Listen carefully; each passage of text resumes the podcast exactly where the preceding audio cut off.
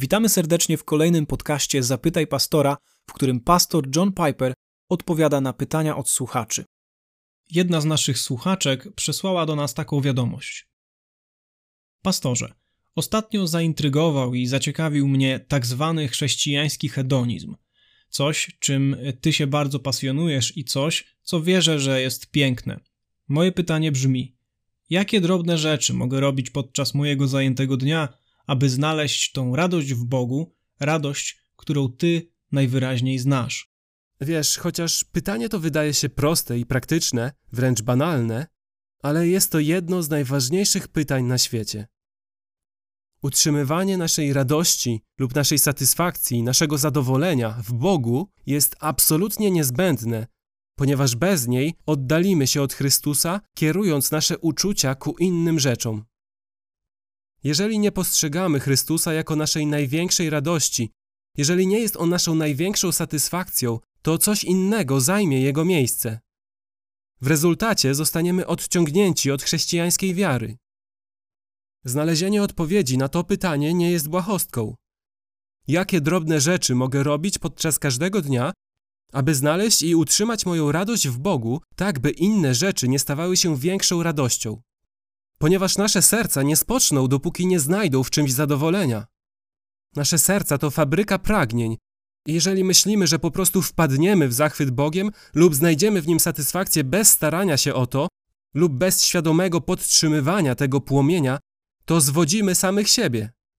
Nasze ciało i diabeł cały dzień aktywnie starają się wciągnąć nas w przyjemności, które są przeciwne Bogu.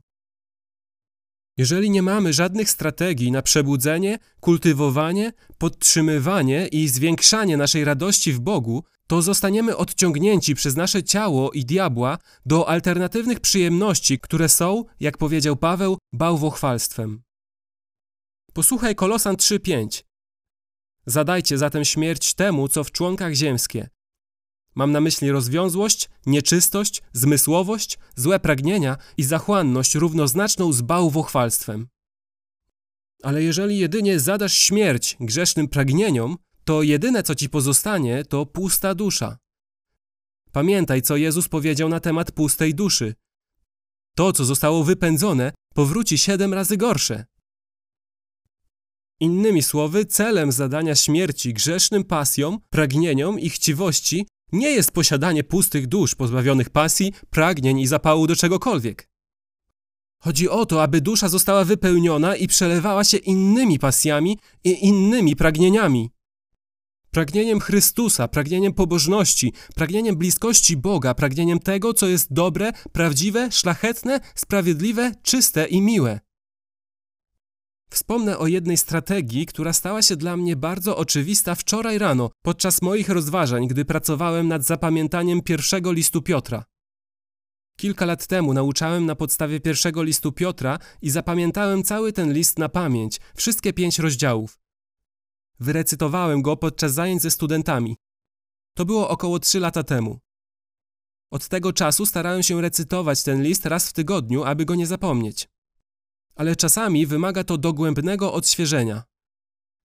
Wczoraj rano pracowałem nad czwartym i piątym rozdziałem, żeby upewnić się, że mogę wyrecytować te dwa rozdziały bez zatrzymywania się i zerkania w tekst. Uderzyło mnie następujące pytanie. Po wyrecytowaniu z pamięci czwartego i piątego rozdziału pierwszego listu Piotra, jaki duchowy pożytek pozostał w mojej świadomości? Oto pyta nasz słuchacz, o duchowy pokarm w ciągu dnia, który będzie pomocny w walce o radość. Uderzyło mnie to jeszcze raz, tak jak i w przeszłości, że ja po prostu nie mam tych dziesiątek, tak, dziesiątek, wspaniałych, wzmacniających wiarę, podtrzymujących nadzieję, budzących radość, dających pewność prawd w mojej świadomości. Ich tam nie ma, jest ich zbyt wiele. Umysł nie działa w taki sposób. Przynajmniej mój umysł nie działa w taki sposób, a myślę, że jestem w tym przeciętny. Te dwa rozdziały są po prostu poza moją świadomością. Dopóki nie podejmę wysiłku, by świadomie sięgnąć i chwycić coś moim umysłem, moją pamięcią, prawdy te pozostają tylko zbiorem słów. Może nasunie się tylko jedna fraza. Umysł naprawdę działa w taki sposób. Możesz powiedzieć swojemu umysłowi, aby poszedł i znalazł coś na swoim twardym dysku, aby znalazł te dwa rozdziały. Tak, możesz tak zrobić, nawet jeżeli nie nauczyłeś się ich na pamięć, tylko je przeczytałeś. Możesz powiedzieć swojemu umysłowi, a teraz wróć się i znajdź tam coś, co niedawno przeczytałeś. Tam nie ma samej pustki, nie wszystko jest zamglone.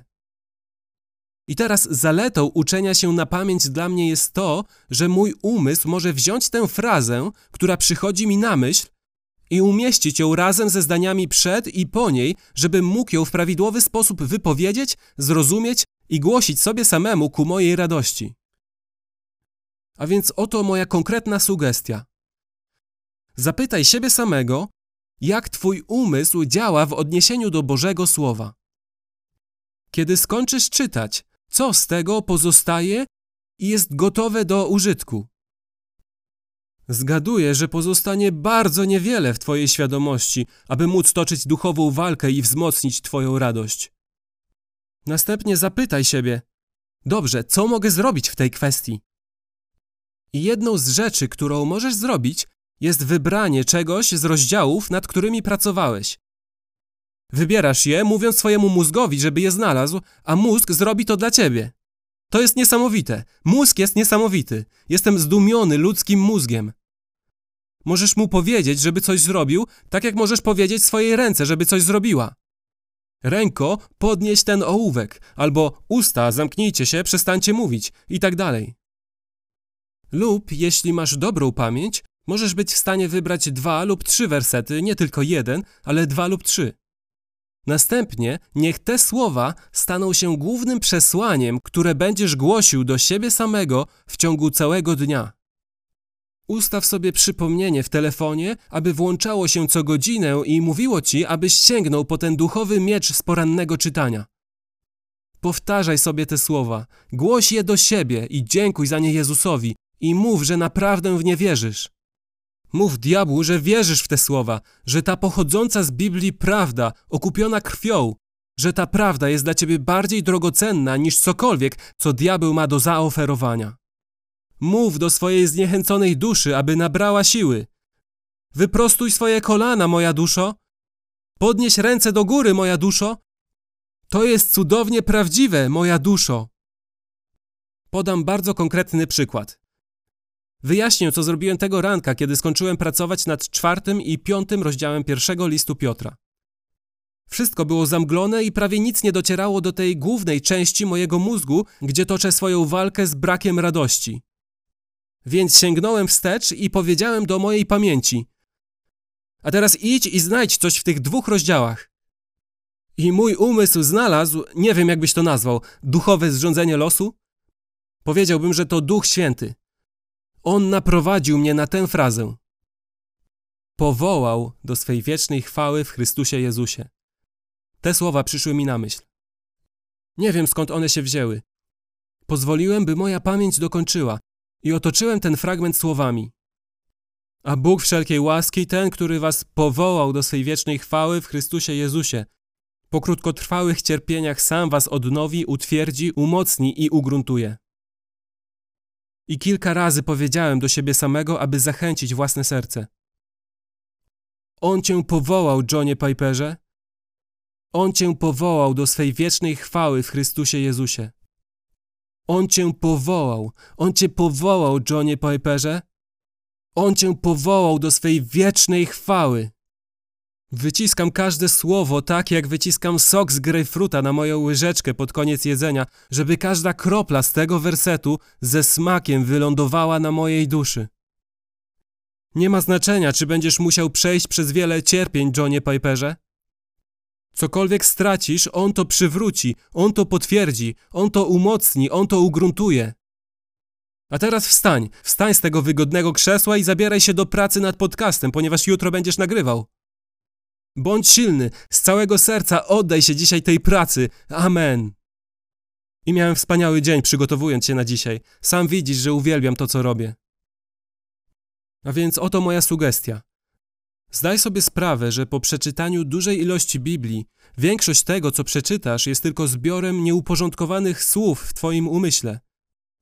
W rzeczy samej to nawet nie znajduje się w świadomej części Twojego umysłu. Musisz powiedzieć swojemu umysłowi jak mięśniowi, tak jak mówisz swojej ręce, żeby coś zrobiła. Mówisz swojemu umysłowi jak mięśniowi, aby to znalazł, wziął to i położył przed Twoją świadomością. Następnie musisz powiedzieć swojemu umysłowi, aby umieścił to w kontekście, żebyś prawidłowo to zrozumiał. Następnie musisz głosić to do siebie samego i głosić przeciwko złemu. Tak właśnie włada się mieczem ducha i pokonuje demoniczne pokusy wiodące do zniechęcenia i podsyca płomień radości w Jezusie.